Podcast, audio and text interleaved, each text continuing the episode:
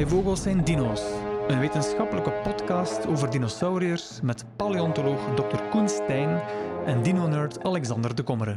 That's me.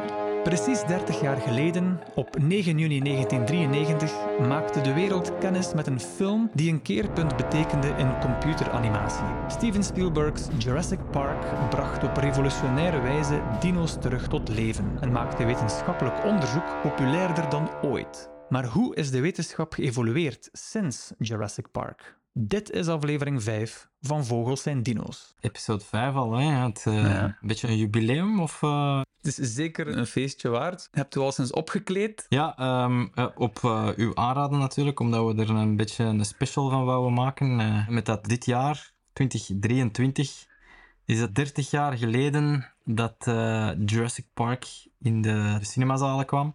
Yes. En ja, daar konden we natuurlijk niet niet iets speciaals rond doen. Ik ga mijn best doen om deze aflevering op 9 juni uh, te releasen. We zijn nu 30 april. Ik heb een maand uh, om dat hier uh, in kan en kruiken te monteren. Um, Ambitieus. Want 9 juni was de wereldpremière van Jurassic Park in Amerika. Voor de mensen die luisteren naar deze aflevering, Koen is gehuld in de Alan Grant outfit. Yes. De eerste keer dat ik dit ensemble aan had, was vorig jaar op het Nerdland Festival met uh, Xander de Rijken. Die uh, toen uh, met mij een, een movie special heeft gedaan over dino's eigenlijk in de populaire media, films en tekenfilms.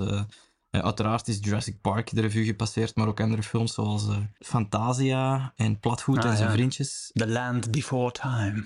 Ja, inderdaad. En dan zijn we gaan kijken naar wat hadden ze allemaal mis. Okay. En wat was er allemaal juist? Want ja, je moet natuurlijk ook wel krediet geven aan uh, sommige van die, van die, van die films. Eh, Fantasia is, is uit de jaren 50 zelfs, denk ik. Denk, ik. denk ouder. Ik denk 40 of zo. Ja, heel, want kort daarna hebben ze Dumbo gemaakt om de cijfers te compenseren, om toch nog wat revenue binnen ja, te Ja, want die tegenstaat dat een uh, animatie meesterwerk is, eh, ja. uh, financieel een flop. Hè. Daar ja, heeft Disney echt wel een, een, serieuze put gegraven. In Fantasia zien we een uh, stegosaurus die aangevallen en gedood wordt door een tyrannosaurus. Ja, maar ook ja, het, het is natuurlijk een heel vroege weergave van, van dinosaurussen en hun leefwereld en ook het einde ervan, want ze gaan ook over de, het uitsterven. Maar toen wisten ze nog helemaal niks van een meteoriet. Um, dus laten ze die dino's allemaal door een of andere verdroging uh, uh, uitsterven. En inderdaad, je ziet daar allemaal beesten bij elkaar die tientallen miljoenen jaren van elkaar in de tijd leefden. Onder andere de Stegosaurus, die daar 150 miljoen jaar geleden leefde, terwijl de T-Rex pas vanaf 70 miljoen jaar geleden uh, ja. ontstaan is. Dus er, er, waren een aantal dingen die, die niet echt klopten. In Fantasia heeft de Tyrannosaurus drie vingers aan elke hand in plaats van twee. Hoewel de eerste Tyrannosaurus-fossielen gevonden zijn in 1874 en het dier officieel zijn naam kreeg in 1905, duurde het tot 1989 eer we een gefossiliseerde tweevingerige hand hadden. In 1914 hadden we die wel al voor Gorgosaurus, een iets oudere tyrannosaurier ook uit het laatkrijt van westelijk Noord-Amerika. Het was dus tot 1989 een aangenomen hypothese dat ook Tyrannosaurus slechts twee vingers aan elke hand had. Dit verklaart waarom gedurende de 20e eeuw in films en musea T-Rex wel eens met drie vingers op de proppen durfde komen. Het maakte hem niet minder populair. Dat is ook zo'n interessante vraag. Waarom is Tyrannosaurus Rex nog altijd de rockstar, de koning de meest bekende dino. Alle kinderen, iedereen heeft al wel eens van Tyrannosaurus rex gehoord. Het zijn ook die skeletten die voor het meeste geld gaan op veilingen. Um, het is het meest iconische dino. En dat heeft voor een deel waarschijnlijk te maken omdat hij al zo lang geleden ontdekt is en, en zo wijd verspreid is in allerlei populaire media. Hè. Want ik denk dat Koop Koop heeft de eerste vondsten gedaan, dus laat 19e eeuw. Maar hij heeft die mhm. toen Manospondylus genoemd. Ah. Um, en, klinkt niet zo sexy als Tyrannosaurus rex natuurlijk. En, en dan is er nog een ander specimen gevonden. En ik, ik denk dat uiteindelijk Osborne in 1905 de naam Tyrannosaurus rex uh, gegeven heeft. Toen hij in het uh, American Museum werkte. En uh, ja, dus 1905. Die dino is dus eigenlijk al meer dan 100 jaar oud. Mm -hmm. En nog altijd... Blijft hij gewoon de magneet voor alle aandacht. Inderdaad. Ja, het is, uh, het is fascinerend. Uh. En ondertussen hebben we nog grotere vleesetende dino's, want het zijn natuurlijk altijd de vleeseters die zo aantrekkelijk zijn bij de jeugd dan vooral. Omdat die, ja, Mm. zie wat een gigantische vleeseter, hè, die groter dan een olifant. En, en dat is dan een roofdier. Dat moet toch wel een heel gevaarlijk beest geweest zijn. En dan zijn er die nog groter zijn. Maar Ja. die, ja, die zijn toch niet, die hebben toch niet dat seksappeal. Misschien ook vanwege hun naam, Giganotosaurus en, en Carcharodontosaurus. Ehm, nu moeten we wel zeggen, de Spinosaurus, die heeft wel serieus wat populariteit. Omdat het zo een vreemd beest is, maar natuurlijk ook omdat hij in de Jurassic Park franchise een belangrijke rol speelt uh, in de derde film. Hè. Dat is, Ja, uh, inderdaad. Hij doodt ook de Tyrannosaurus Rex uh, in die film. het is een T-Rex killer, hè? dus dat Ja. is wel ineens, ja, wow, nog meer badass. We moeten er natuurlijk wel aan toevoegen, Tyrannosaurus Rex is niet de grootste, in de zin dat hij misschien niet de langste is, maar uh, zeker wel de, de meest robuuste, stevig. Dat zie je in alle opzichten van, van het skelet van die, die grotere dieren. Die hun tanden zijn helemaal anders. En een T-Rex die heeft hele massieve ronde tanden gemaakt om veel meer kracht te doorstaan. Dus echt gemaakt om botten te breken. Uh, Ja. Of gemaakt is een slechte, geëvolueerd uh, om, Ja. om uh, botten te kunnen doorbijten. Terwijl bij die andere grote rovers dat waarschijnlijk niet het geval is. Hè? Dat die, die hun tanden veel meer afgeplat zijn. Een beetje meer zoals bij een allosaurus. En dus minder geschikt zijn om op uh, botten te kauwen. En die enorme bijtkracht, dat, dat geeft natuurlijk een extra ja, zo pitbull gevoel aan, uh, aan een T-Rex. Ja, al laten we zeggen, de T-Rex is een Rottweiler en een, een Giganotosaurus is een Doberman of zo. Om het uh, Ja. dicht Mooi. bij huis termen uit te drukken. In 1993, hoe oud was je als je de film voor het eerst in de cinema zag? Ja, ik moet bijna tien geweest zijn. Um, ja, ik zal tien geworden zijn in december. Maar ik heb hem natuurlijk uh, in volle anticipatie uh, in september, oktober gezien. Omdat mijn ouders natuurlijk uh, wisten hoe gefascineerd ik was door dino's. Ik herinner mij dat dat een hele grote indruk heeft nagelaten. Omdat dat, ik denk, voor mij de eerste keer was dat ik een film zag waar dat je als kind eigenlijk niet binnen mocht. En dus dat je... Oh, want ik mocht daarna dan... Ben ik nog wel meer naar de cinema geweest, maar er waren heel veel films die voor ja, vanaf 16 of 18 jaar waren. Uh, en omdat mijn ouders erbij waren, mocht ik er dus wel binnen. Ik herinner mij de Raptor-scène in de, in de keuken was natuurlijk Ja. uh, heel spannend. Um, ik ben sindsdien maar heel weinig keren zo verschoten in de, in de cinema. Oké, okay, ik was natuurlijk nog maar 9 jaar oud. Um, maar er is een scène waar dat ze dan de computers terug aan de gang krijgen en dan via de valse plafond ontvluchten. En Ja. die raptor is ondertussen binnengeraakt in die computerzaal. En ehm, het licht dat door dat rooster schijnt op die raptor zijn kop, dat zijn allemaal lettertjes. Ja. GATC, eh, dat zijn dus de, de aminozuren van het DNA dat ze daar ehm, hebben ja, gereconstrueerd. En, ehm, en op een gegeven moment merkt die raptor dat ze dus in de valse plafond zitten. En hij springt erdoor. En je ziet dat die, eh, de, de, de, de aanval van die raptor, eh, alsof dat je er zelf bovenin zit. En dat was eh, wel een, een schrikmomentje. Inderdaad. Ik heb hem ook in de cinema gezien, maar ik was acht. En ik was mee met ehm, mijn buurmeisje, vriendin. Maar die was een paar jaar ouder dan ik, twee of drie jaar ouder dan ik. En haar mama. Die nam ons twee mee naar de cinema in Mhm. Roeselare. En ehm, tijdens de scène van de raptors in de keuken zijn we naar buiten gegaan. Ah ja, toch?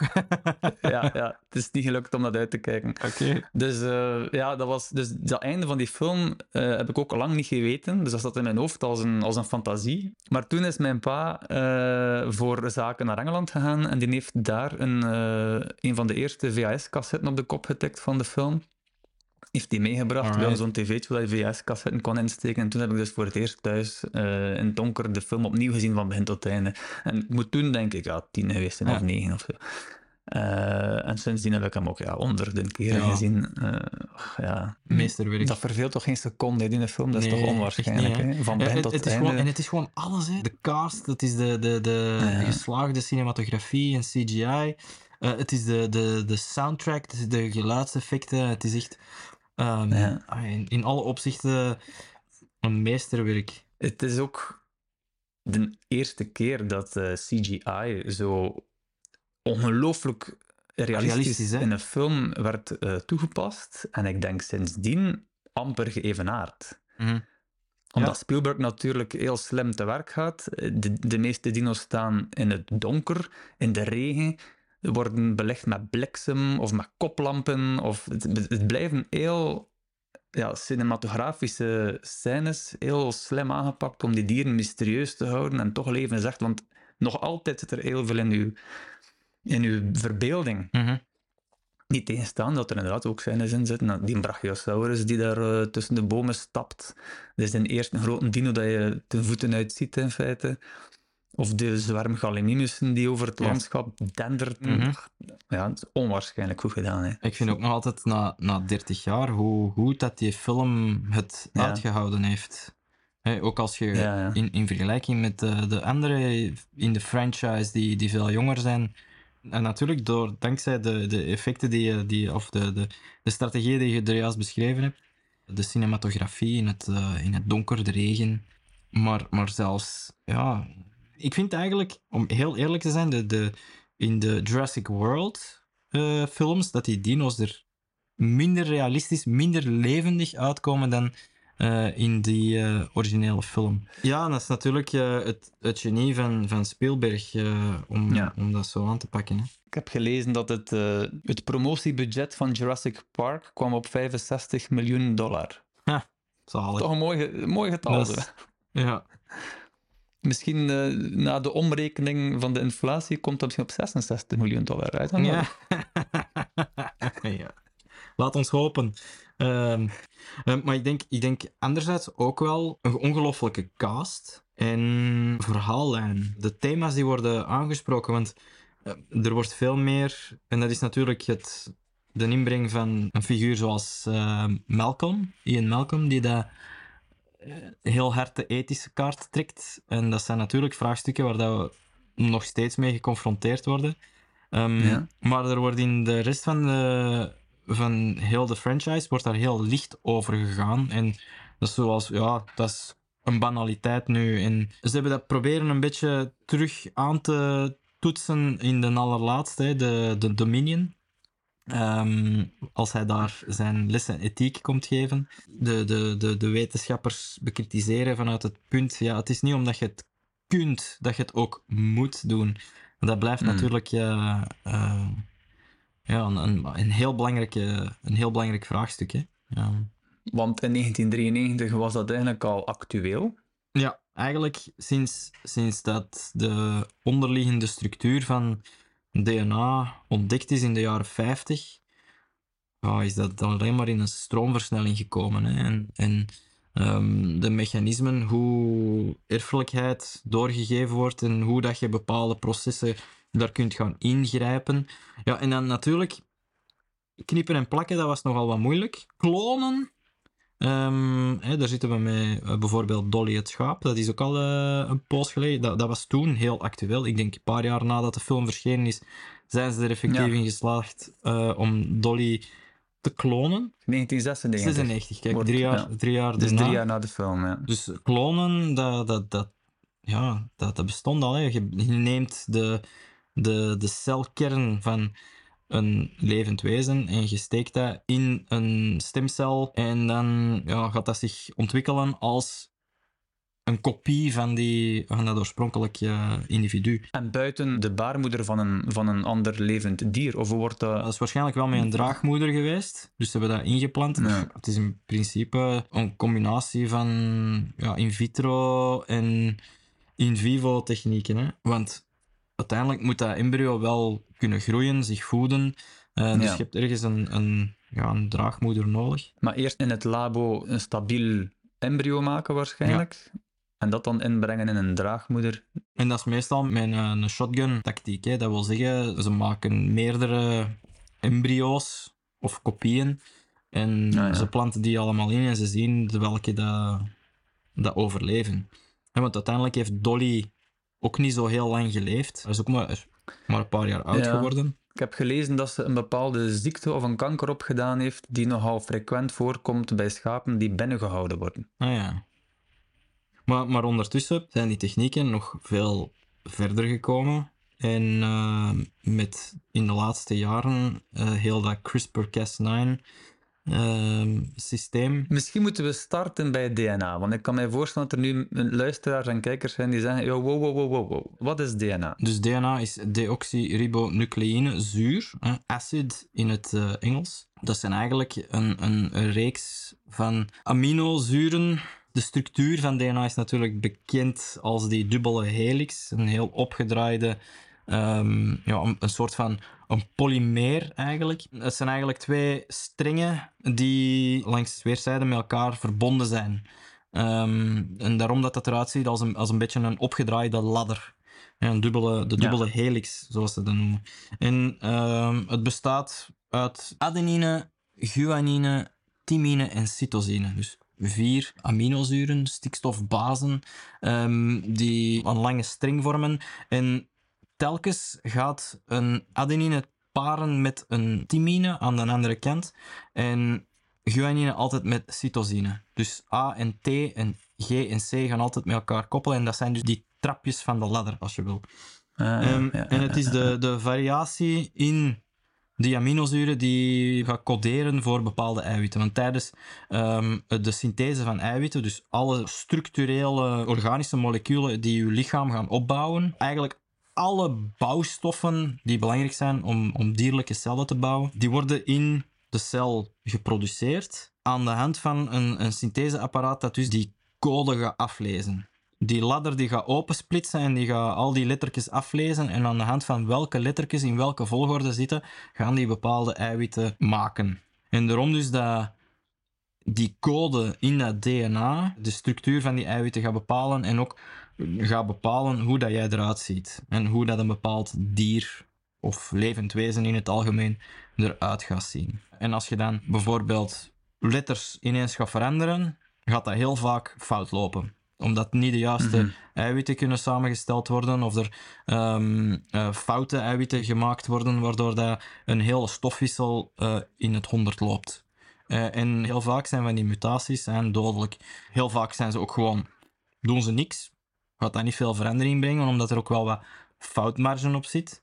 En soms, heel soms, gaat een mutatie, dus een, een verandering, doordat er ergens een foutje is gebeurd bij het kopiëren van de cel, kan dat dus aanleiding geven tot een nieuwe eigenschap. Bijvoorbeeld dat je Ah, ja. plots meer pigment gaat maken, of plots minder pigment gaat maken, want zo is het eigenlijk gebeurd. Hè? Ehm, Homo sapiens had oorspronkelijk een hele donkere huid, ehm, en dan zijn die beginnen migreren.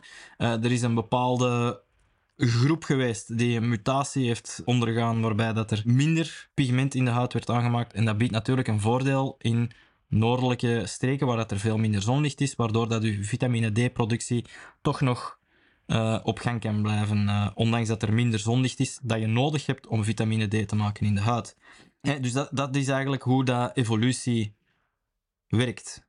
Doordat er groepen zijn waarin een bepaalde verandering optreedt en die verandering geeft dan een voordeel in een bepaalde omgeving. In een andere omgeving zou dat een nadeel kunnen zijn, eh, maar in die bepaalde omgeving heeft dat een voordeel. Dus die gaan in die bepaalde omgeving ehm, veel beter kunnen gedijen. Eh, en dat is het eh, principe achter evolutie.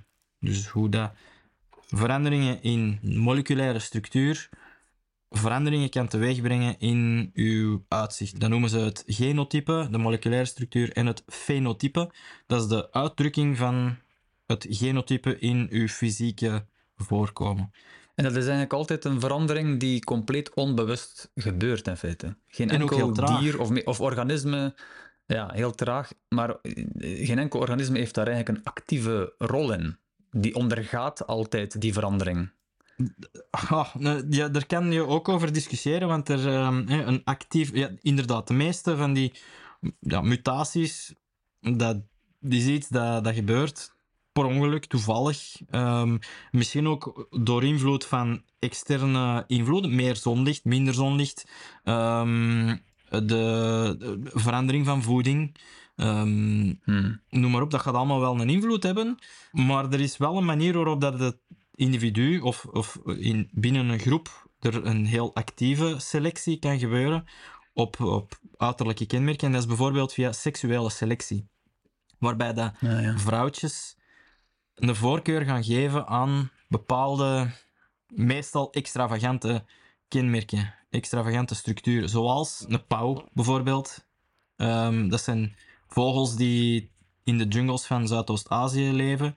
Ehm, als je een pauw, zo'n staart, dat is echt een gigantisch ding, zo'n staart, om daarmee rond te Mhm. vliegen, en dat doen ze ook, eh, moet je wel echt een heel krachtig mannetje zijn hè, om eh, ehm, aan roofdieren te kunnen ontsnappen en zo. Dus als je zo'n fantastische, enorme staart hebt, moet je wel een heel geschikt mannetje zijn om mee te paren. En de vrouwtjes gaan dus daar een voorkeur aan geven. Ehm, Ja. En dat is wat de idee daarachter. En natuurlijk Ja. zien we dat ook bij dino's. Denk maar aan de ceratopsiden, de gehoornde dino's, al die extravagante structuren op hun kop. Ja, dat is, eh, dat is Ja, ja, ja. hoogstwaarschijnlijk uit de hand gelopen seksuele selectie. Ehm, en Testosteron. ja. ja, en oestrogenen. Hè. Ehm, de vrouwtjes die de keuze gaan maken eh, om met een, een mannetje dat, dat, dat er veel frivoler uitziet, eh, daarmee te gaan paren. Ja, er zijn ook wel wetenschappers die dat wel nuanceren. Ehm, maar Mhm. als je... De regel is wel, als je zo extravagante structuren ziet in dinosaurus, is het meestal omdat er iets van seksuele selectie achter zit. Sex finds a way. Ja. By the way, DNA, dus als je daar een flinke microscoop op zet, kun je dan DNA, die helix, zien zoals die vaak schematisch voorgesteld wordt. Die gedraaide ladder. Nee, daarom dat het zo lang geduurd heeft voordat... We- microscopen hadden we al in nou, 17e eeuw al. Ehm, maar het heeft Mhm. tot eh, ja, mid-20e eeuw geduurd voordat we de structuur van DNA achterhaald hebben. En, en je hebt daar echt eh, geavanceerde elektronenmicroscopen. Denk ik zelfs dat nog niet genoeg is. Ehm, maar met behulp van eh, vooral X-stralen diffractie. Iedereen kent Watson en Crick als de ontdekkers van het DNA, omdat zij de Nobelprijs hebben gekregen, maar eigenlijk was het Rosalind Franklin eh, die de structuur achterhaald heeft met XRD, X-ray diffraction. Eh, het principe is simpel. Je stuurt X-stralen af op een staal en die gaan afbotsen op de structuur. En de refractiepatronen, die X-stralen, die kan je dan opvangen en dan eh, gaan meten en uitrekenen wat dat de moleculaire structuur is van het staal dat je, dat je beschoten hebt. En zij is degene die daar het eerst eh, achter gekomen is. Jammer genoeg was ze, is ze vroegtijdig overleden en eh, zijn Francis Watson en James Crick met de Nobelprijs gaan lopen. Weer een vrouw onrecht aangedaan. Als we dan ooit een mens gaan klonen, vind ik dat we haar moeten klonen om haar alsnog een prijs te kunnen geven. ja. ja, wel ja, voilà. Rosalind Franklin voor Nobel Prize. 2088 Ja. of zo. Ja. Maar we waren dan beland bij CRISPR. Ja, dus CRISPR betekent letterlijk Clustered Regularly Interspaced Short Palindromic Repeats. Streepje. CRISPR-associated protein 9. Er zijn een aantal bacteriën die een proteïne hebben, dat is dus dat CRISPR-associated protein 9, ehm, waarbij dat ze dat proteïne gebruiken om zich te verdedigen tegen aanvallen van virussen.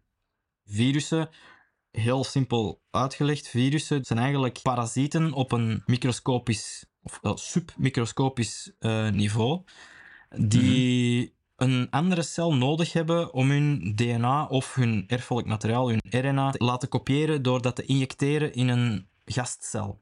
En meestal gaat die gastcel Dus die, dan... die, die brengen een kopie van zichzelf ja, in, inderdaad. in een andere cel. Er zijn heel veel verschillende soorten virussen. Sommige zijn simpelweg een, een soort van capsule met daarin dat erfelijk materiaal. Sommigen hebben zo nog een injectiesysteem waarbij dat ze echt zo eh, hun erfelijk materiaal kunnen inbrengen. Ehm, die heel simpele, die hebben gewoon eiwitten op dat beschermingsproteïne dat er rond zit, die dat gaan erkend worden door de gastcel als zijnde van, ah ja, dat is een proteïne dat ik nodig heb. En die gaan dat zo binnentrekken in hun, uh, binnen hun celmembraan. En dan zit dat erfelijk materiaal van dat virus in die gastcel. Die gaat zich een weg zoeken naar het DNA van de gastcel. En die gaat dat beginnen kopiëren. En die bacterie die heeft daar dat Cas9-proteïne, dat sequenties van virussen gaat herkennen. En die kan dat dan, als die die bepaalde sequentie van dat virus herkent, knippen en eruit halen. Om zich Holy shit. te beschermen tegen, ja, dat is, een, dat is iemand, ja, de onderzoekster die dat heeft uh, ontdekt, die heeft daar een Nobelprijs voor gekregen en terecht natuurlijk. Ere wie ere toekomt. Die Nobelprijs voor de scheikunde 2020 ging naar twee vrouwen: de Franse microbioloog en geneticus Emmanuelle Charpentier en haar Amerikaanse collega Jennifer Doudna voor de ontwikkeling van de methode van genoombewerking via CRISPR. Het was de eerste wetenschappelijke Nobelprijs ooit voor een vrouwelijk team. Dat betekent dus wel dat je nu een, een soort van moleculair knip- en plakmechanisme hebt om sequenties van DNA ergens uit te knippen en terug in te plakken. En we hebben dus eigenlijk Ja. een, een, een, ja, een tool gevonden, een, een mechanisme om, om st- stukken DNA te gaan knippen en plakken. En, en dan zou je denken dat verhaal als Jurassic Park wel heel dichtbij komt. Ehm, maar ik vrees dat eh, voor, voor dino's dat het niet gaat lukken. Want je hebt uiteindelijk wel een basis nodig om in te gaan knippen en plakken. Dus je hebt wel iets van DNA nodig om, eh, om te gaan reconstrueren, om terug te vervolledigen. In de film spreken ze over dat ze het DNA dat ze in amber hebben teruggevonden, in muggen, die, die Ja. bloed hadden gezogen van dino's, hebben aangevuld met kikker-DNA. En Mhm. eh, dat, dat zorgt dan voor heel de problematiek dat die beesten zich toch in het wild kunnen voortplanten, omdat ze dan van geslacht kunnen veranderen enzovoort. Ehm, maar het probleem is, dat DNA heeft niet het bewaringspotentieel om zo lang intact te blijven. Zelfs al zou je dino-DNA terugvinden van zo oud, eh, dus zullen we cijfers doen, eh, waarom dat dan nooit in een mug kan zijn. Ehm, Ja. maar zelfs al zou je het terugvinden, dan is het gewoon te oud en te gedegradeerd dat je niet genoeg structuur hebt, niet genoeg basisstructuur, niet genoeg basisinformatie van hoe zitten al die verschillende aminozuren samen om er überhaupt nog iets mee te doen. Het is te vervallen, te fragmentair. Ehm, Dus DNA vervalt. Ja, DNA vervalt. Het heeft een, een halfwaardetijd. En je had mij een, een hele leuke paper doorgestuurd. Eh, ik geef toe dat ik hem Ja. zelf niet kende. Over eh, de halfwaardetijd van DNA. Het is een paper uit 2012. Ja. De onderzoeker is eh, Morten Allentoft. En Yes. zijn team natuurlijk. Ja, het is het team van eigenlijk, want ik zie hier de, de tweede auteur is Matthew Collins. Matthew Collins is eh, een oude rot aan de Universiteit van York. En ehm, dat is zijn labo dat dit onderzoek eh, geleid heeft.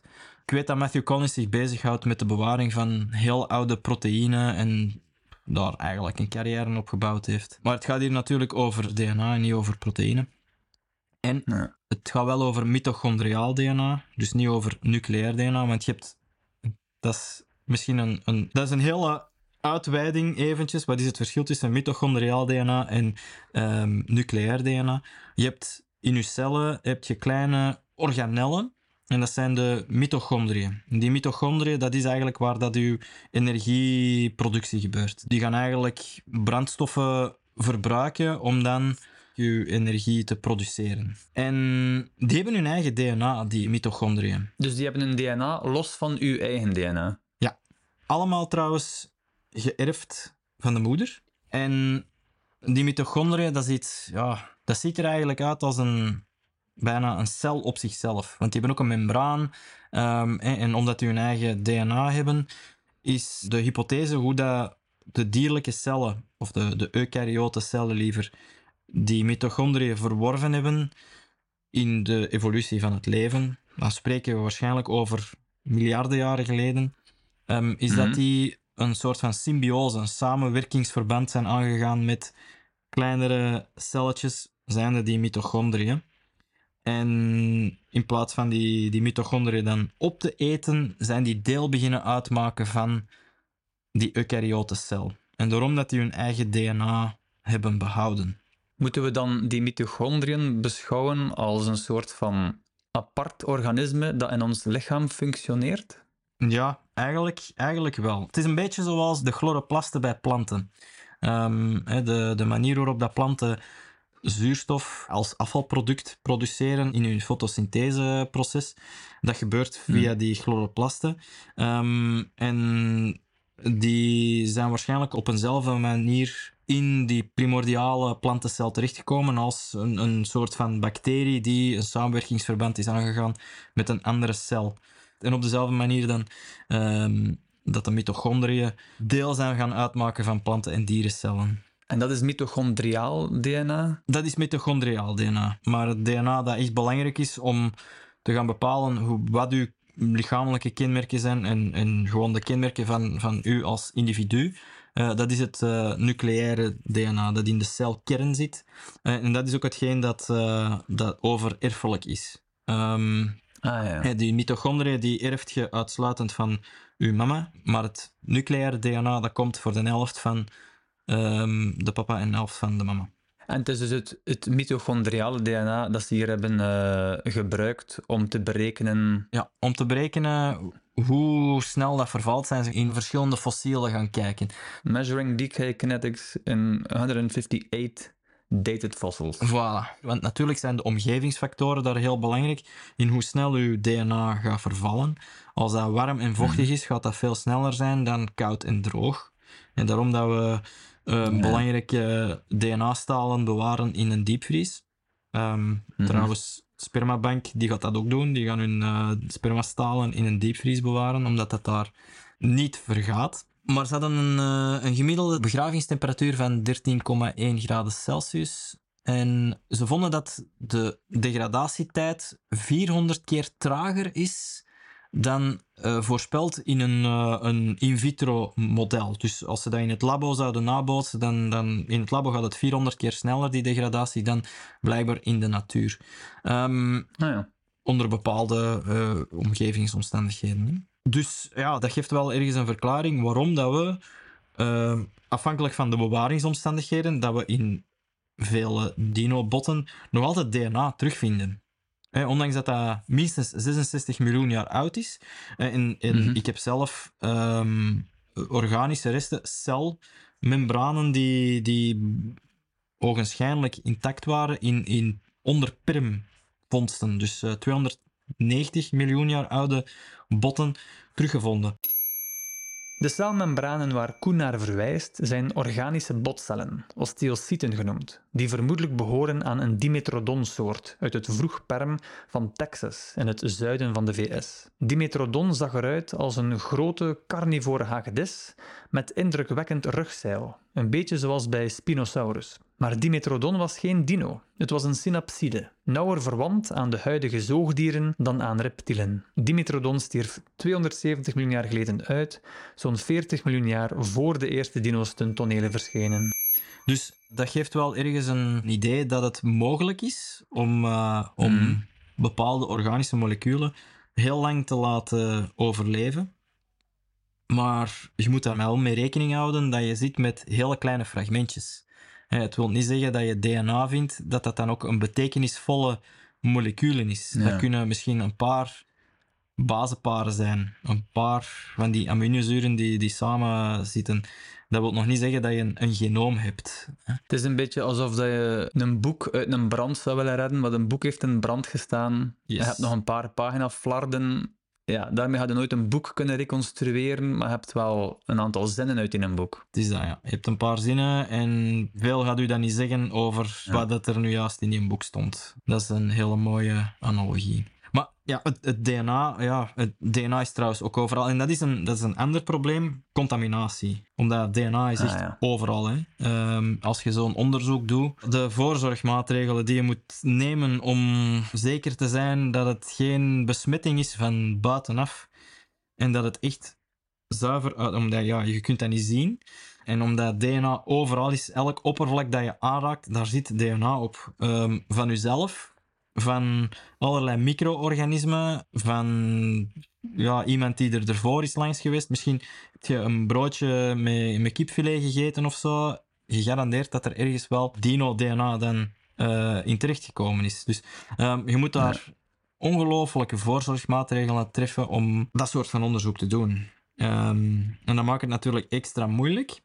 Trouwens, we moeten misschien ook even uh, kijken. We spraken over eh, DNA. Sinds de structuur van DNA is ontdekt in de jaren 50, uh, zijn ze er wel al snel mee aan de slag gegaan. De eerste echt uh, onderzoek naar de moleculaire structuur uh, in dinosaurusbeenderen is van 1966. En dat was een Pool, Roman ja. uh, die trouwens nog altijd publiceert aan de Universiteit van Krakow.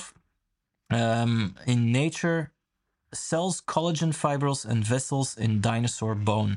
En hij heeft dan ook in de jaren 70, 80 en ook 90 um, voor het eerst sequenties gedaan van dino-DNA.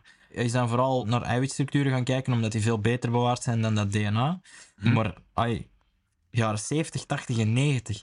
Dus ongetwijfeld gaat dat een, inspiratiebron geweest zijn voor Michael Crichton om, uh, om er zijn, uh, zijn boek over te schrijven. Ja, want voor de mensen die dat niet weten, Jurassic Park was eerst een boek natuurlijk, die in 1990 uitgekomen is. Ja, als je het boek nog niet gelezen zou hebben, uh, kan ik dat ten zeerste aanraden, want het verhaal loopt toch net iets anders dan in de film. Um, en ik zou heel graag een remake zien van de film, dat veel nauwer aansluit bij het boek, om, omdat het hmm. toch net iets ja, dramatischer is. En ook een aantal personages die, die er eigenlijk heel anders uitkomen, uh, of, of liever in blijven. Maar, maar Crichton ehm, heeft inderdaad gesprekken gehad met wetenschappers hè, om zijn boek te schrijven. Ja, ja, ja, het is science fiction, maar hij wil het toch voor een deel nog laten aansluiten bij, bij wetenschap natuurlijk, om het ook ja, een, een dicht bij huisgevoel te geven van, oh, oh dat zou misschien mhm. wel eens kunnen.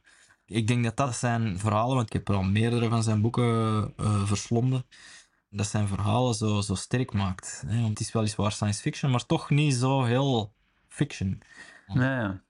En plus, als, als Jurassic Park één iets ongelooflijk goed gedaan heeft, is het inderdaad aansluiten op de wetenschappelijke consensus van toen. Ja, inderdaad. Je moet het natuurlijk in zijn tijdgeest plaatsen altijd. Ja, het is 30 jaar oud, hè. ja, als je zoiets zegt, dan, dan voelen wij je wel oud. Ja, dat is wel waar. ik, voelde, ik voelde me heel oud toen ik begin van het jaar dacht van, ah, dit jaar wordt Jurassic Park 30. Oh. ja.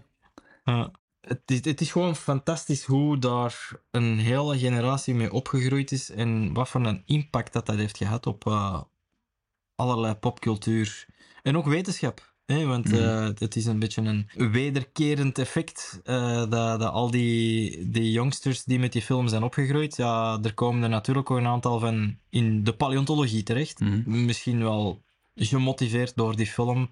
En die dan weer nieuwe wetenschap uh, gaan, gaan, ontdekken om dan terug te spelen. Maar goed, ja, dus die ja, uh, contaminatie is een zeer groot probleem. En dat is natuurlijk een belangrijke kritiek op die, die hele vroege studies. Daar zal misschien iets minder rekening mee gehouden zijn. Dus je moet heel sterk je voorzorgsmaatregelen in een clean lab, uh, hermetische pakken. Daarom dat je zo in films, trouwens, in Jurassic Park laten die wetenschappers er ook in van die hazmat suits rondlopen. Dat is niet om de wetenschappers te beschermen, maar eerder om de, de, de stalen die zij onderzoeken uh, te beschermen. Hè. Dat, is, uh, is eerder daarvoor, om alle vervuiling, laat ons zeggen, weg te houden van, van het onderzoeksobject. Ja. Maar zelfs ondanks dat zijn ze er dus wel in geslaagd om het aan te tonen. Zelfs met nieuwe technieken. Dat is het uh, team van Mary Schweitzer, die aan de Universiteit van North Carolina en in samenwerking met Bozeman in Montana erin geslaagd is om met meer recentere technieken sequenties te gaan uitvoeren op uh, dino-DNA, bepaalde eiwitstructuren aan te tonen en betere visualisatietechnieken enzovoort. Maar we zijn ja, niet verder gekomen inderdaad dan het feit van het is er wel, maar je kunt er niks mee doen. Um, dus een dino klonen, Het zal er, eh, het zal, zal er niet in zitten. Je moet al echt heel uitzonderlijk... denkt, of, allee, vermoedelijk gaan we nooit een Mm. dinosaurus die gestorven is Nee. ten laatste 66 miljoen jaar geleden terug kunnen reconstrueren op basis van DNA. Dat gaat nooit lukken. Nee. Dat gaat nooit lukken, omdat het DNA gewoon te vervallen is. Ehm, een heel, heel, heel kleine kans. Maar ik zeg een kans kleiner dan de lotto winnen. ehm, zit er misschien in ehm, als je een dino bewaard in amber hebt. In de Jurassic Park film gaan ze bloed zoeken dat geprikt is door muggen die in barnsteen, dat is, dat is eigenlijk een gefossiliseerde boomhars, dat heel plakkerig is. Die muggen die landen Ja. dan in die hars en die geraken daarin vast. En dan gaan ze proberen dat bloed dat die mug gezogen heeft, eruit te halen. Het probleem is, ja, van het moment dat die mug dat bloed opzuigt, gaat hij dat beginnen verteren. Eh, en valt dat Ja. DNA van, van dat bloed ook uit elkaar. Komt er ook nog bij dat binnen in die mug er ook wel een verrottingsproces optreedt. Je ziet wel dat die mug in die barnsteen zit, maar dat is eigenlijk een, een holte. Alles wat er binnenin zit, gaat ook Ah, ja. verteren, omdat in die mug, en net zoals bij heel veel organismen, daar zitten ook microben in. Die microben die, die gaan opeten wat dat dood is. Er zijn wel eh, heel speciale gevallen waarin dat weefsels van die muggen of insecten of andere geleedpotigen bewaard zijn gebleven. En dat je inderdaad het DNA daarvan kunt gaan analyseren. En daar zijn studies van waarbij dat ze inderdaad die celstructuren en het DNA dat erin zit in die cellen kunnen gaan achterhalen. Maar no way bloed geprikt van een dino. Dat zou misschien wel kunnen als je een dino hebt die in amber terechtgekomen is. En er zijn een Hmm. aantal vondsten uit eh, Myanmar, het vroegere Burma, waar dat resten van dino's, veren, ehm, Ik herinner mij een stukje staart van een Ja, kleine een dinosaurus met, met pluimen op of veren op. yes. En mijten, mijten in die veren. maar die zijn, voor zover ik de publicatie mag volgen, niet genoeg bewaard. Er is te veel degradatie om daar überhaupt nog iets mee aan te vangen. Dus zeker interessant voor de wetenschap, ehm, maar niet goed genoeg om die dino mee te gaan klonen. Eh, jammer genoeg. Hmm. En als we een uit het permafrost zouden halen? Als je ijs vindt dat 66 miljoen jaar lang bewaard is geweest, dan eh, zou dat misschien wel lukken. Maar dan moet je eerst ijs vinden van 66 miljoen jaar oud. En het oudste ijs op Antarctica is denk ik 2 miljoen jaar, als ik me niet vergis. Trouwens, Antarctica had nog geen ijs tot. Ik denk dat dat beginnen ophopen is pas vanaf dat Antarctica zich heeft losgerukt van, eh, van Zuid-Amerika. Daarvoor zat dat nog eh, voor een deel verbonden. En vanaf dat daar dus een, een, een zeeengte tussen gekomen is door platentectoniek, hè, die, die platen die zijn verschoven, ehm, dat je een stroming krijgt rondom Antarctica dat ervoor zorgt dat het thermisch geïsoleerd geraakt. Dus dat wil zeggen dat er Ah, geen warmteuitwisseling meer is tussen de Zuidpool en noordelijker gelegen gebieden, waardoor dat Antarctica alsmaar koeler en koeler wordt. En ik denk dat dat pas gebeurd is na het Eoceen. Eh, dus ja, tussen de 35 en 33 miljoen jaar geleden, zoiets. Dus alle ijs dat je op Antarctica gaat vinden is jonger dan dat, Ja. maar waarschijnlijk zelfs... Kan dus. Forget about it. Eh, dino's in Ja. eh, de permafrost vinden is uitgesloten. Ehm, een mammoet, dat zou wel lukken. Hè, een mammoet, daar, Mhm. hebben we, ehm, daar is zelfs een film over gemaakt. Genesis 2.0. Een een heel eh, interessante documentaire. Het gaat eigenlijk over het tijdperk dat aangebroken is, waar de mens eh, metaforisch voor God gaat spelen. Hè? Dat hij dieren Ja, die er ja. niet meer zijn, terug tot leven gaat brengen. Zijnde, als je een, een diepgevrozen mammoet vindt, met bloed nog in de bloedbanen, dat je dat kan gaan gebruiken om die mammoet terug te doen herrijzen. En allerlei ethische vraagstukken die daar natuurlijk mee aan bod komen. Eh, ze gaan bijvoorbeeld naar Zuid-Korea, waar dat ze een firma gaan opzoeken die gespecialiseerd zijn in het klonen van gestorven huisdieren. Dit bedrijf zit in Seoul, de hoofdstad van Zuid-Korea. Ze vragen 100.000 Amerikaanse dollar, of zo'n 93.000 euro, per gekloond huisdier. Het bedrijf heet Not You, But You. Denk daar maar eens over na. Dus daar kun je tegen een bedrag uw eh, huisdier laten klonen. En eh, Oh my god. Ja, inderdaad. Waarbij dat er eventjes een aantal ethische vragen eh, gewoon aan de kant geveegd worden, natuurlijk. Hopla. Echt op de emotie inkasten. Inderdaad, ja, het, het kapitalisme dat weer de overhand neemt, natuurlijk. Maar dan kunnen ze dan misschien binnen een paar jaar met oma of opa ook doen. In hoeverre zijn er al geklonde mensen? Dat is nog maar de vraag. Want dat gaat natuurlijk Ja, ja. clandestien gebeuren in het begin. Was er daar geen Chinees die, dat, eh, die in de rechtbank is veroordeeld voor het klonen van mensen? Dat zou wel eens kunnen. De man waar ik naar verwijs is He Jiankui, een Chinese biofysicus die in november 2018 op YouTube verkondigde dat hij baby's succesvol genetisch had gemanipuleerd, niet gekloond, met CRISPR om hen immuun te maken voor het HIV-virus. Hij heeft daarvoor drie jaar in de cel gezeten. Het is een beetje wat Ian Malcolm in de film aanhaalt, hè? Your scientists were too preoccupied with whether they could, that they didn't stop to ask if they should. Ja. Ik vrees, en ik denk een gegronde vrees, dat er altijd wel iemand is die toch nog een stapje verder zal willen gaan. En ja, dat maakt natuurlijk dat er vroeg of laat eh, wel eens iets eh, zou kunnen gebeuren dat ethisch echt... Dat in, in onze tijdsgeest natuurlijk, want wie weet spreken we over 100 jaar niet meer van, van individuele mensen, maar van een groepsgeest, zoals we bijvoorbeeld bij koloniale dieren gewoon zijn, hè? zoals eh, mieren, bijen. Dat we allemaal kopieën zijn van elkaar om, eh, om te werken. Eh, 1984. inderdaad, ja. Of eh, Brave New World. Maar in de huidige tijdsgeest is het natuurlijk ondenkbaar dat we daar mee gaan beginnen met klonen van mensen. Hetgeen dat een beetje een grijze zone is. En er is trouwens ook een interessante documentaire op Netflix. Eh, Ik ben de naam vergeten. eh, De titel van de docu-reeks op Netflix is Unnatural Selection. over heel dat systeem CRISPR-Cas9, dat je wel zou kunnen gaan gebruiken om bijvoorbeeld genetische afwijkingen op te sporen en te genezen. Je, je kunt natuurlijk heel veel doemscenario's bedenken, maar misschien moeten we toch ook eens, zoals met nucleaire energie, zijn er voordelen en nadelen. En je moet die altijd even tegenover elkaar zetten. Er zijn ook mogelijkheden, bijvoorbeeld bij het gebruiken van dat systeem, om dieren die door ons toedoen zijn uitgestorven. Er zijn er te veel om op te noemen. Als er dan soorten verdwijnen door ons toedoen, zou kloontechniek wel... Dan hebben we bijna de plicht om ze te bijna, zou je bijna kunnen zeggen, inderdaad. We hebben Ja. de plicht om ze terug te doen herrijzen. Er zijn heel veel voorbeelden van waar dat ecosystemen, doordat er één bepaalde soort uit dat ecosysteem verwijderd wordt, dat noemen ze keystone species. Een bepaalde sleutelsoort die ervoor gaat zorgen dat een ecosysteem ja, zo in balans blijft. Dat er niet één bepaalde soort de overhand krijgt. Om één concreet voorbeeld te noemen, de wolf in Yellowstone National Park.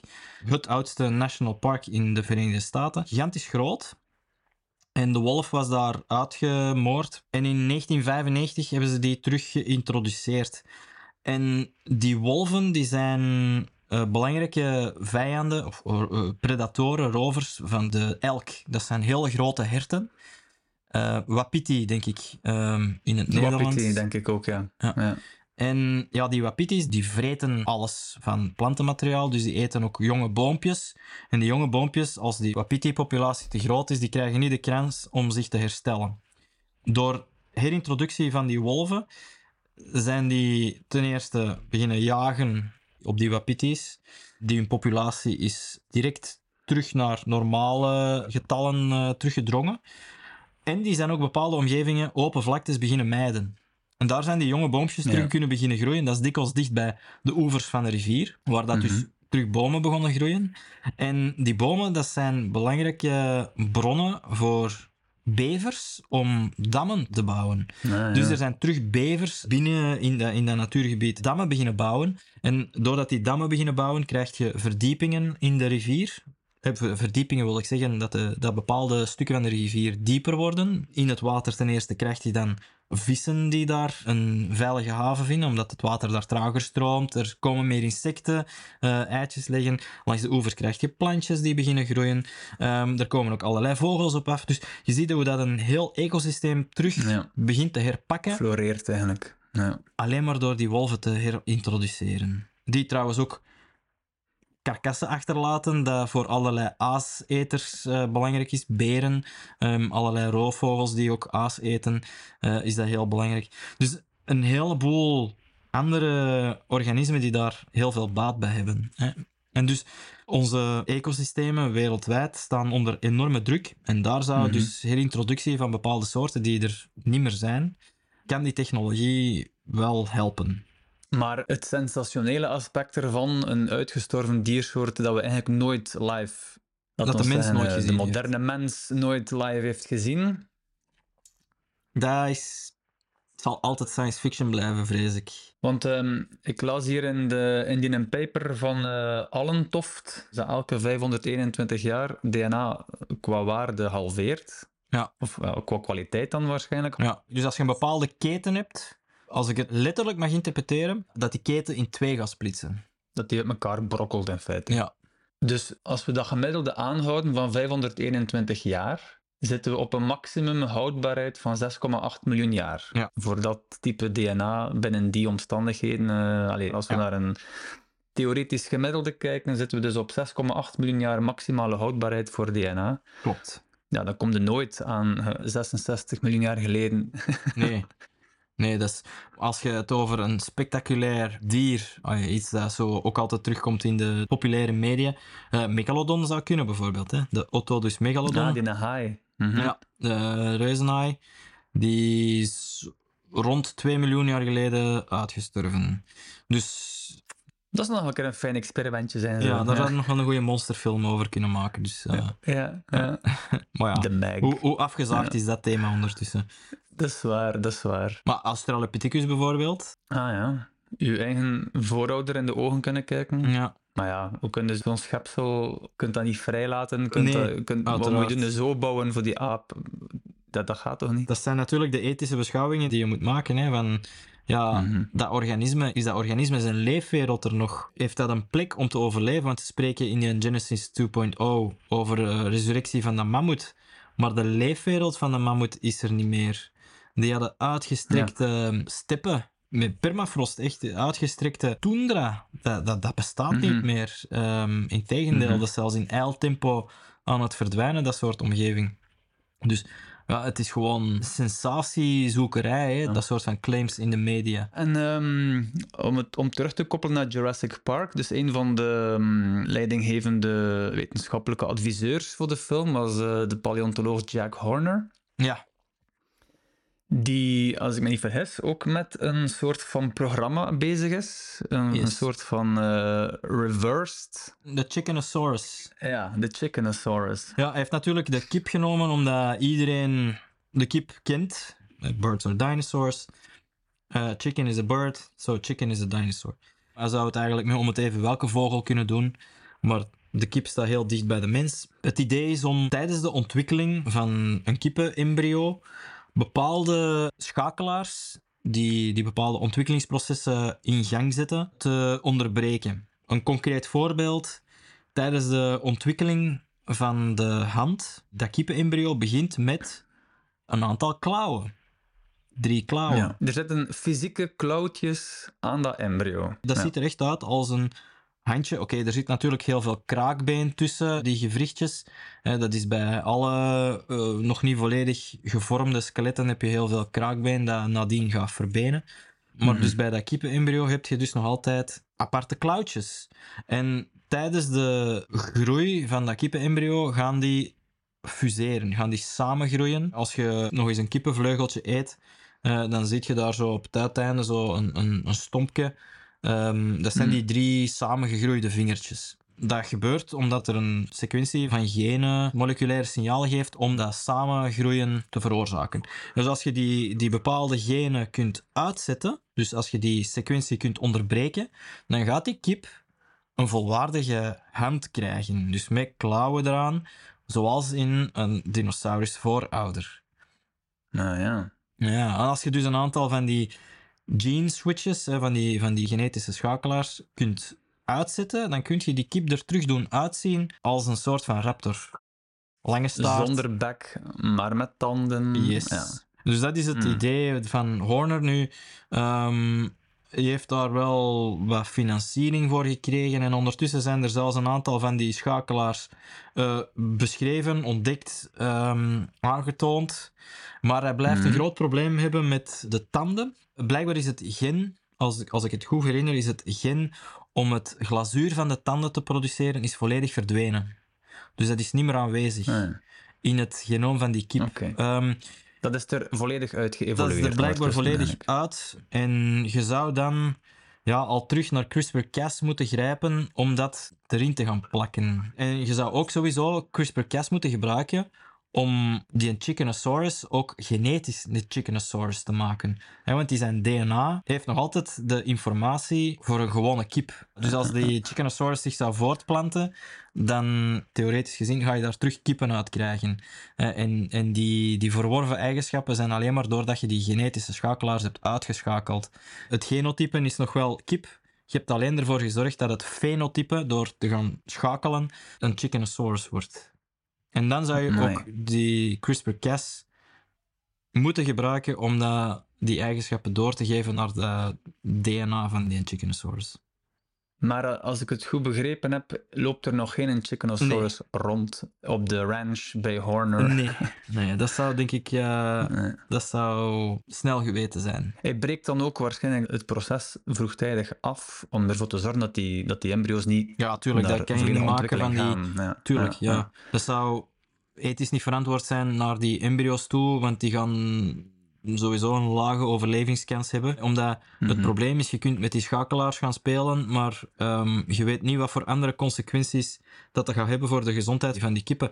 Omdat heel vaak er overlappen zijn. Hè. Bepaalde sequenties van genen gaan niet voor één bepaalde eigenschap specifiek coderen, maar een hele reeks van eigenschappen eh, beïnvloeden. Dat is een heel kluwe van, van eigenschappen die Ja.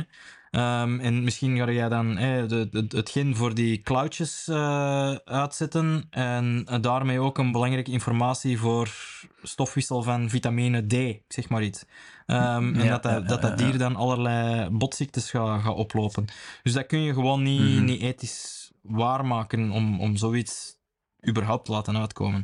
Eh, het gaat hier Mhm. hopelijk, ik mag het echt van harte hopen, om de onderliggende mechanismes beter te begrijpen die op een moleculair niveau evolutie gaan onderlijnen. Maar ja, in theorie zou het dus wel mogelijk zijn om zo'n Chickenosaurus met de technologie die we, die we ter beschikking hebben, om een Chickenosaurus een te laten over geschreven ook. Hè? Ja, How to Hmm. Build a Dinosaur. Extinction doesn't have to be forever. Yes, inderdaad. Mooi, hè? Voor, voor ons klinkt dat als waar houden die mensen zich mee bezig? Ehm, maar Mhm. je moet natuurlijk ook begrijpen vanuit de, de context van de VS, waar dat nogal wat mensen tegen het idee van evolutie gekant zijn. Ehm, waar dat je redelijk wat pushback hebt van, eh, van ultra-conservatieve eh, religieuze groeperingen. En zo. Ja.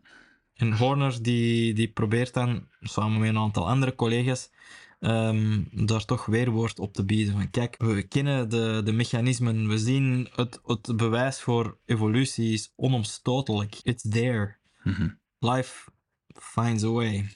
We hadden het daar even over de ceratopsiden, de triceratops met eh, het grote nekschild, die Ja. eigenlijk een prachtig eh, groot schilderij zou kunnen geweest zijn voor wijfjes te lokken.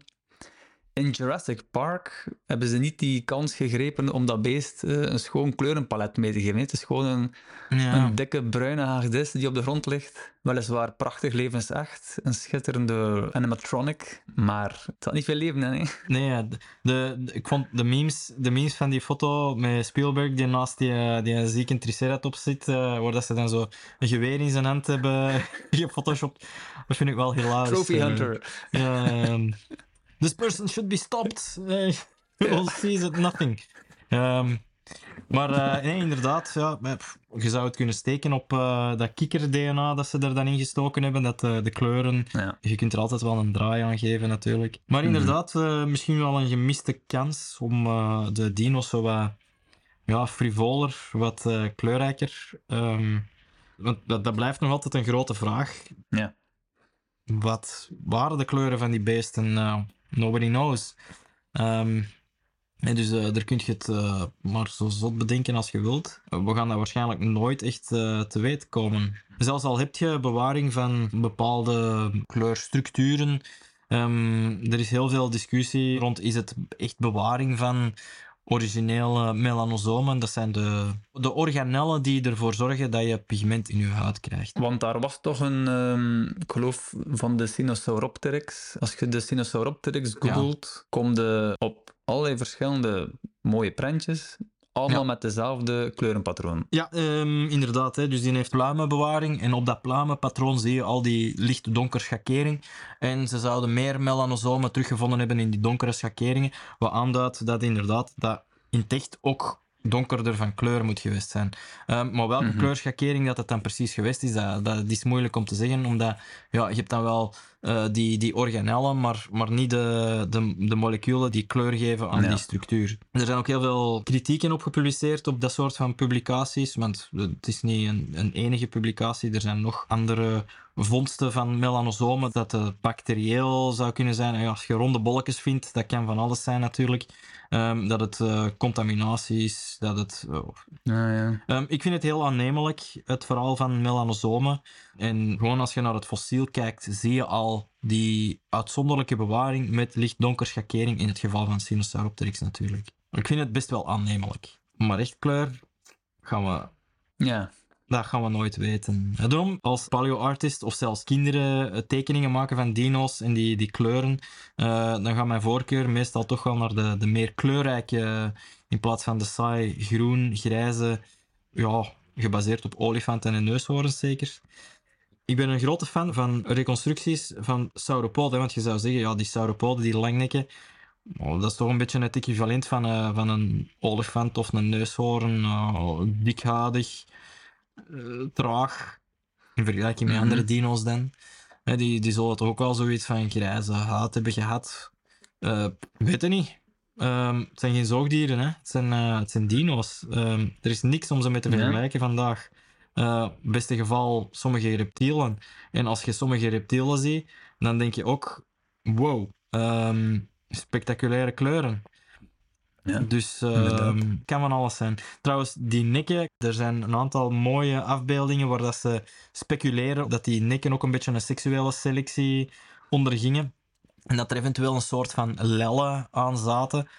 Zoals bijvoorbeeld bij een kalkoen. Als je de kop van een mannetjeskalkoen ziet, daar zitten allemaal van die spectaculaire... Uh, niet echt mooi, maar wel allemaal lellen aan. En, en wie weet was dat bij die sauropoden ook zo. Er is een, een een hele mooie paleo-art van een triceratops of een soort van ceratopside. Ik denk een Chasmosaurus. Met op zijn nekschild eigenlijk ziet het eruit alsof het een grote theropoden is, een roofsaurier, die komt aangestormd met muil open. Ik vind dat ook een, een hele leuke paleo-art. Het schitterende paleo-kunstwerk waar Koen naar verwijst is van Hodari Nundu. Maar ja, ja, dus zoals eigenlijk hoe, dat, hoe dat vlinders hun vleugels gebruiken, ja, met de ogen erop zo, om, om vogels af te schrikken. Uh, ik denk dat dit een aspect is wat um, dinosaurussen zo interessant maakt. Er is heel veel wetenschap rond en je kan heel veel te weten komen, maar er zijn toch nog altijd een aantal dingen die voor de verbeelding vatbaar blijven. En dat mm -hmm. maakt het voor veel mensen zo aanlokkelijk dat je er toch nog wat fantasie mm -hmm. bij kunt gebruiken. Een hele leefwereld die vergaan is en we proberen er van alles over te weten te komen, maar sommige dingen gaan we nooit weten. En dus blijft mm -hmm. die fantasie een belangrijke rol spelen. Ik denk dat de meeste dino's in Jurassic Park nog wel vrij dicht, vormelijk dan, bij het oorspronkelijke fossiel ja. aanleunen. Tyrannosaurus, Absoluut. Brachiosaurus, Triceratops, zelfs Dilophosaurus. Je moet ja. dan die nekkraag dat is waarschijnlijk een fantasietje ja. die met het kikker-DNA binnengeslopen kleurrijk is, vermoedelijk. Ja. kleurrijk, kleurrijk, ja, klopt. Maar de wereldberoemde Velociraptor, die staat toch, denk ik, het verst af van wat de Velociraptor in werkelijkheid was. Um, kleine bemerking, ook de Dilophosaurus. Dilophosaurus um, was waarschijnlijk eerder het formaat van de Velociraptor in de film. En de Velociraptor nee. in de realiteit zit eerder dichter bij de Dilophosaurus in de film. Ja. Um, ja, ja. ja, dat formaat, daar valt nog over te discussiëren, want um, er waren wel raptorachtige die zo groot waren als de Velociraptor in de film. Ehm, Mhm. Die hadden toen nog geen naam. De Utah Raptor bijvoorbeeld, die had nog niet officieel een naam gekregen. Toen Crichton zijn boek schreef en eh, Spielberg zijn film maakte. Maar mm, die waren wel Ja. misschien zelfs nog groter dan de Velociraptor in film. De eerste fossielen van Utahraptor werden al gevonden in 1975, maar die waren zeer fragmentarisch. Pas in 1991, toen Jurassic Park in volle preproductie was, werd een meer compleet fossiel gevonden. De grootste raptor ooit, wel 6 meter lang. De vinder, Jim Kirkland, wou het dier Utahraptor Spielbergi noemen, ter ere van Steven Spielberg. Maar toen besliste de Jurassic Park filmstudio Universal dat elk museum die het woord Jurassic voor een expo of een t-shirt gebruikte, voor de rechter zou worden gedaagd. Kirkland zijn geldschieter Dynamation, een bedrijf gespecialiseerd in dino-animatronics, dwong Kirkland een andere naam te kiezen uit angst voor Universal. Het werd uiteindelijk Utahraptor ostromyces, naar John Ostrom, de Amerikaanse paleontoloog die in 1969 in de raptor Deinonychus de link zag tussen dino's en vogels en daarmee het startschot gaf voor de dinosaur renaissance van de jaren 70.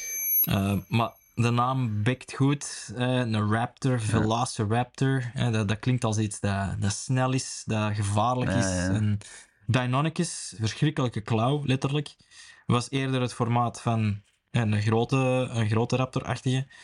Ja, dat bekt niet zo goed, hè. Deinonychus. Of velociraptor eh, in het Ja, ja, ja. in de sappig Amerikaans. Er is nog een andere reden waarom de raptors in Jurassic Park niet Deinonychus of Utahraptor heten, maar wel Velociraptor. Het designteam van de film baseerde zich op het boek Predatory Dinosaurs of the World uit 1988 van de Amerikaanse paleontoloog en illustrator Gregory Scott Paul. In dit boek herdoopt Paul de grote Noord-Amerikaanse raptor Deinonychus antiropus tot Velociraptor antiropus, als naamgenoot van de veel kleinere Aziatische raptor Velociraptor mongoliensis. Michael Crichton voor zijn boek en Steven Spielberg voor zijn film hebben dus de naam Velociraptor gebruikt voor Deinonychus, terwijl de wetenschappelijke commune die naamsverandering nooit heeft aanvaard. Maar eh, er zijn nog wel een aantal andere dingen natuurlijk, die in de periode dat de film uitgebracht is, eh, dat erop vooruit zijn gegaan. In de jaren 90 eh, is de hele pluimenrevolutie begonnen, met al die vondsten uit China, die aantonen dat ja, al die raptorachtigen, die hadden helemaal een lichaamsbedekking met pluimen. En dat is een beetje jammer dat ze daar in de films eh, niet zijn willen in volgen, want de technologie was er zeker om, eh, om dat te renderen eh, digitaal. En dan ook de, de klauwen, hè, de, de houding van die handen, dat ze die klauwen een beetje, de, de polsen eigenlijk gebroken hebben, doordat die, die handen met de, de handpalm naar beneden wijzen. Eh, dat konden die beesten helemaal niet, die hadden hun handpalmen naar binnen wijzend, eh, met de, de Ah, ja. handen naar achter gevouwen. Die konden niet hun handen naar beneden draaien om iets te grijpen. Nee, inderdaad. Ja, nee. Dus dat, dat is Ja. eh, quasi onmogelijk voor zo'n raptor. Ik denk ook dat Spielberg echt wel wou dat die raptors naakt waren, of enfin, alle dino's naakt waren, om daar meer een monster van te maken. hè. Ja, en ehm, hij wilde ook eh, die raptors een gevorkte tong geven. En dat is iets waar dat Horner heel hard eh tegen ingegaan is. Van nee, dat willen we niet. Dat hadden ze niet. Het zijn geen reptielen zoals hagedissen. Het is echt reptielen, ja, maar dan zoals vogels. En ehm, hij heeft er ook voor gezorgd dat tijdens die keukenscène, als die dat glas aanblazen, dampt dat aan. Dus dat wil zeggen, Ja, een hete ja, adem ja. op koud glas, dan ga je een neerslag krijgen. Ehm, terwijl bij een koudbloedig dier zou dat waarschijnlijk niet gebeurd zijn.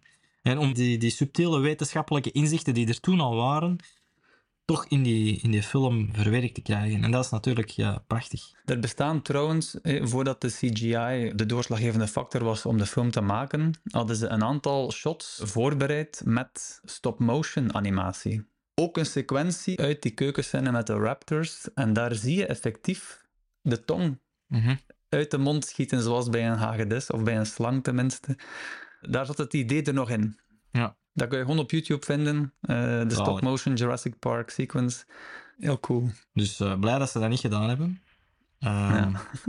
En nu met, ehm, met de mogelijkheid om eigenlijk de film op elk moment op pauze te zetten, waar dat je ook kijkt. De Spielberg heeft die film gemaakt een beetje in een deal met Universal, want hij wou eigenlijk Schindler's List draaien. Dat is hetzelfde jaar uitgekomen in de film. Juist. Maar hij moest dus, om Schindler's te mogen doen als regisseur, moest hij eigenlijk eerst Jurassic Park draaien. Om toch zeker een soort van cashflow te garanderen. Want zijn vorige film was Hook uit 1991 met Robin Williams als Peter Pan. En die film is tamelijk geflopt naar Spielbergiaanse standaarden. Dus moest hij toch, eh, ja, hij moest dus bewijzen dat hij List waardig was. En dus heeft eh, Jurassic Park gedraaid op een aantal maanden in de tropen, hè, op een van die eilanden daar. Ze hebben ook echt een storm over hen heen gekregen. Dus bepaalde scènes zijn gedraaid tijdens een storm. En dan heeft hij eigenlijk van die set is hij rechtstreeks naar de productie van Schindler's List gevlogen.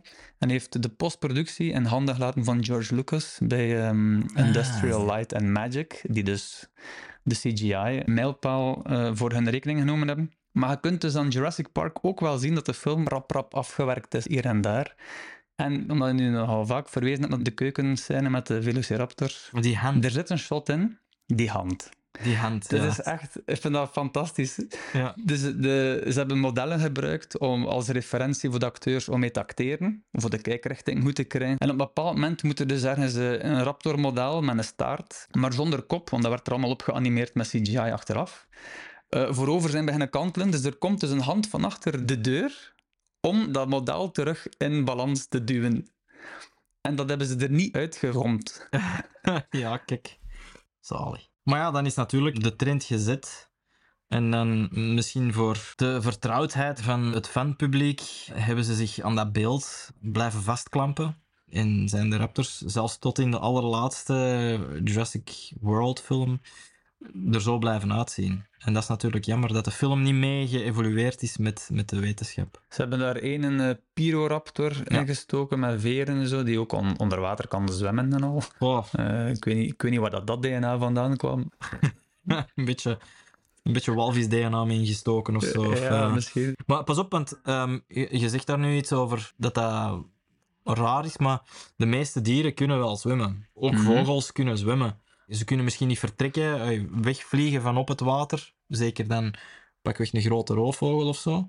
Maar ze gaan Ja. zich wel kunnen redden door naar de kant te zwemmen en daar dan zich te herpakken. Soms zie je zo eh, video's van eh, mensen die in een roeibootje zitten en Ja. een vogel uit het water redden, die eigenlijk kan, ja, zo met zijn vleugels Ze voortploeteren is zo. is. ja. Ja. Die blijven wel drijven, mede dankzij hun hele luchtzakkensysteem natuurlijk. Dat maakt ze extra licht. Onder water zwemmen, dat is misschien een, eh, een, een andere zaak. Maar er zijn genoeg voorbeelden van vogels die op vissen jagen. Dicht bij huis, de ijsvogel, aalscholvers. Ja. Wat is voor u tussen de release van Jurassic Park en vandaag het grootste gewonnen inzicht als het gaat over dino-wetenschap? Goh. Dat is, eh, dat is een goede vraag. Het is een, een moeilijke vraag ook, want er is zoveel ontdekt, zoveel nieuwe inzichten gebeurd. Ik denk dat dat... Ja, uitsterven wisten we al. Eigenlijk al in 80 wisten we al, oké, uitsterven. Smoking gun is een meteorietinslag. De bewijzen zijn, er is heel veel kritiek op gekomen, maar dat, dat bewijsmateriaal is enkel sterker geworden. Ehm, Ja. dus dat wisten we al. Ehm, ja, de pluimen, hè, de, echt de, de grote hoeveelheid aan gevederde dino's. Ehm, misschien ook de ontdekking dat het niet alleen de theropoden zijn die konden gevederd zijn. Ook andere dino's konden gevederd zijn. Zoals de vondst van Colindadromius heeft aangetoond. Wat is Colindadromius? Colindadromius is eh, beschreven door mijn eh, collega Pascal Godefroy. Dat is een ornithischia. Dus dat is een dino die behoort tot de grote groep van dino's waartoe bekende gezichten zoals de Triceratops, Iguanodon, Stegosaurus, Ankylosaurus en consorten toebehoren. En de Saurischia, dat is de andere grote groep waartoe alle langnekdino's en theropoden, dus de vleeseters, toebehoren. En we wisten al Ja. langer dus dat al die theropoden de genetica hadden door de vondst van bepaalde fossielen om pluimen te groeien, al zijn het donsveertjes ehm, of protoveertjes. Maar dankzij Mhm. de vondst van die Colindadromius, die dus duidelijk tot een andere tak van de dino-stamboom behoort, dat die genetica hoogstwaarschijnlijk wel bij alle dino's aanwezig was. Misschien niet noodzakelijk tot uitdrukking kwam, maar dus dat die daar wel voorhanden was. Dat wil zeggen, Misschien dat er wel ceratopsiden waren in koude streken. Denk aan Pachyrhinosaurus, die in Alaska is gevonden. eh, dat die wel Ja. een soort van eh, vacht hadden. Ja, pluimvacht dan wel. eh, om zich te beschermen tegen de kou. Dat is niet onaannemelijk meer, dankzij Hmm. die vondst. Dus dat is wel een, ehm, een interessante ingeving. En ook natuurlijk om te zeggen dat ja, die pluimen die zijn een neveneffect van het feit dat die beesten warmbloedig waren en in koude streken eh, leefden. En daar heb je wel Mhm. iets van bescherming nodig tegen die, die koude. En daar zijn pluimen uitermate geschikt voor. Ik denk dat dat waarschijnlijk een van de belangrijkste ontdekkingen is als je het over dinosauria in het algemeen wil hebben. Ehm, Ja, ja. Oh, dat inzicht, die pluimen, die zitten toch wel eh, veel, veel dieper aan de basis van de dino-stamboom dan dat we voorheen dachten. Ja, want we hebben daar zelfs de, die een Eutyrannus gevonden, een beest van Ja. 8 meter lang dat op de stamlijn zit naar de Tyrannosauriërs. Yes. Volledig bedekt met pluimen. Ja. Dat is ook een, eh, een, een belangrijke vondst natuurlijk, die mee binnen dat pluimenplaatje past. Dat is een dier dat in Noord-China gevonden is. En dat toont, ja, die pluimen, dat is thermoisolatie. Hè? Het laat toe om andere leefomgevingen te exploiteren dan, eh, dan alleen maar tropisch of warm liever. Is dat de grootste gefossiliseerde dino dat we tot nu toe gevonden hebben die bevederd was? Ik denk het wel. Ik denk het wel. Ja. Dat is de Eutyrannus. Ja, belangrijke Ja. vondst voor die tijd. Maar ik denk dat Collinadromis nog net iets belangrijker is, omdat het zoveel verdergaande implicaties heeft. Ja, ja, dat verwachtingspatroon doorbreekt. Helemaal. Ja, en onlangs denk ik eh, dat zelfs aangetoond is dat de pycnofibrils, dus kleine vezeltjes die op de huid van pterosauriërs is gevonden. Dus pterosauriërs, een groep die buiten de dinosauriërs staat, eigenlijk een zustergroep.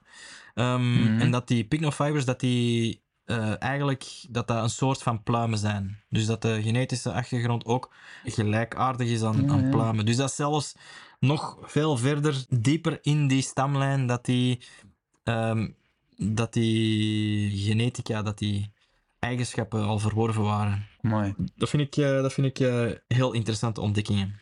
Ik probeer me nu een sauropode voor te stellen met pluimen. Ja, het probleem is dat sauropoden, ehm, en dat is ook een interessante studie, sauropoden vonden het niet zo leuk in koudere streken. Laten we zeggen, polaire Hmm. gebieden. Ik denk niet dat daar sauropoden van gekend zijn. Misschien wel prosauropoden, ehm, maar die prosauropoden, dat is dan in het Trias, een periode die heel, heel warm was. Maar sauropoden, die zijn beperkt tot de gematigde en equatoriale gebieden. Warm dus, en als je sauropoden zou gaan bekleden met pluimen, dan riskeren die ook van te oververhitten. Een beetje waarom dan een olifant ook naakt is. Hè? En eh, eh, grote zoogdieren, dat die van nature geen pels hebben.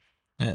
Mhm. Oké, een giraf is misschien een uitzondering, omdat die wel een, een soort van vacht hebben. Maar, maar grote dikhuiden, die, die hebben geen vacht. Om dat oververhitten te voorkomen. Ik denk dat een giraf misschien ook nog wel eerder ten prooi valt aan roofdieren dan een olifant. Ja, ook wel. Dus een giraf moet misschien eerder kunnen rekenen op eh, camouflagepatronen. Mogelijk. Ja, als, dus ik zou, ik zou daarop houden, eh, de vondst van die Collinadromus. Ik heb die fossielen trouwens ook gezien in, eh, in, toen ik in Rusland was. Ja, dat is Mhm. echt wel...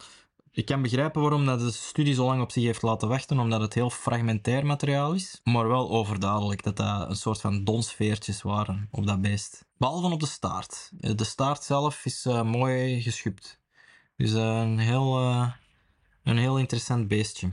Betekent dat dat de staart niet bevederd was? Of betekent dat dat de veren op de staart mogelijk niet zijn bewaard gebleven? Ja. ja. Als we de paleo-art erop mogen naslaan, dan is het een kale staart, alleszins. Ja. Ja. Alright. Zeer wel. Omwille van de rechten ga ik daar geen eh, John Williams op zetten om af te sluiten, maar... dat je misschien wel kunt doen is. ehm, eh, er zijn verschillende versies eh, van lyrics op de Jurassic Park theme. Mr. Swallow. hmm. Maar echt hilarisch. En als je vannacht niet kunt slapen, er staat ook op YouTube het Jurassic Park theme maar duizend keer vertraagd. ja. En, en voor wakker te blijven is er de har har har har remix de remix. van, eh, van Goldblum. Schitterend. En we beloven onze trouwe luisteraars dat we de volgende aflevering hun pertinente, dringende vragen zullen uh, diepgaand behandelen. Hè. Uiteraard, uiteraard. Excuses dat we dat niet deze keer gedaan hebben. Maar we moesten een beetje de fanboy uithangen. We moeten ja, inderdaad wel uh, een beetje actueel blijven ook. Maar volgende keer doen we inderdaad de fanvragen. Terug de bloedige ernst. Ja, terug harde wetenschap en ja, uh, voilà. huidige inzichten. Koen, hartelijk dank. Alexander, jij ook. Tot de volgende. Yes. Ciao. Ciao. Bedankt om te luisteren of te kijken naar deze aflevering van Vogels zijn Dino's. Je kan ons volgen op Facebook, Instagram of YouTube. Geef ons gerust een like, een rating of een review. Of maak een beetje reclame, zodat Koen en ik nog veel afleveringen samen kunnen maken. Elke week wordt er wel een nieuwe dino gepubliceerd, dus ons werk houdt nooit op. We creëren deze podcast in eigen beheer zonder budget, dus jouw steun helpt ons enorm. Check zeker de show notes bij deze aflevering voor allerlei coole links en de credits. Heb je een vraag voor ons? Stuur dan een e-mail naar vogelsendinos.gmail.com of schrijf ons op Facebook, Instagram, YouTube of onze website www.vogelsijndinos.weebly.com. En wie weet beantwoordt Koen jouw vraag in de volgende aflevering van Vogels zijn Dino's. Bedankt voor uw aandacht, u zijt fantastisch. Hou ciao.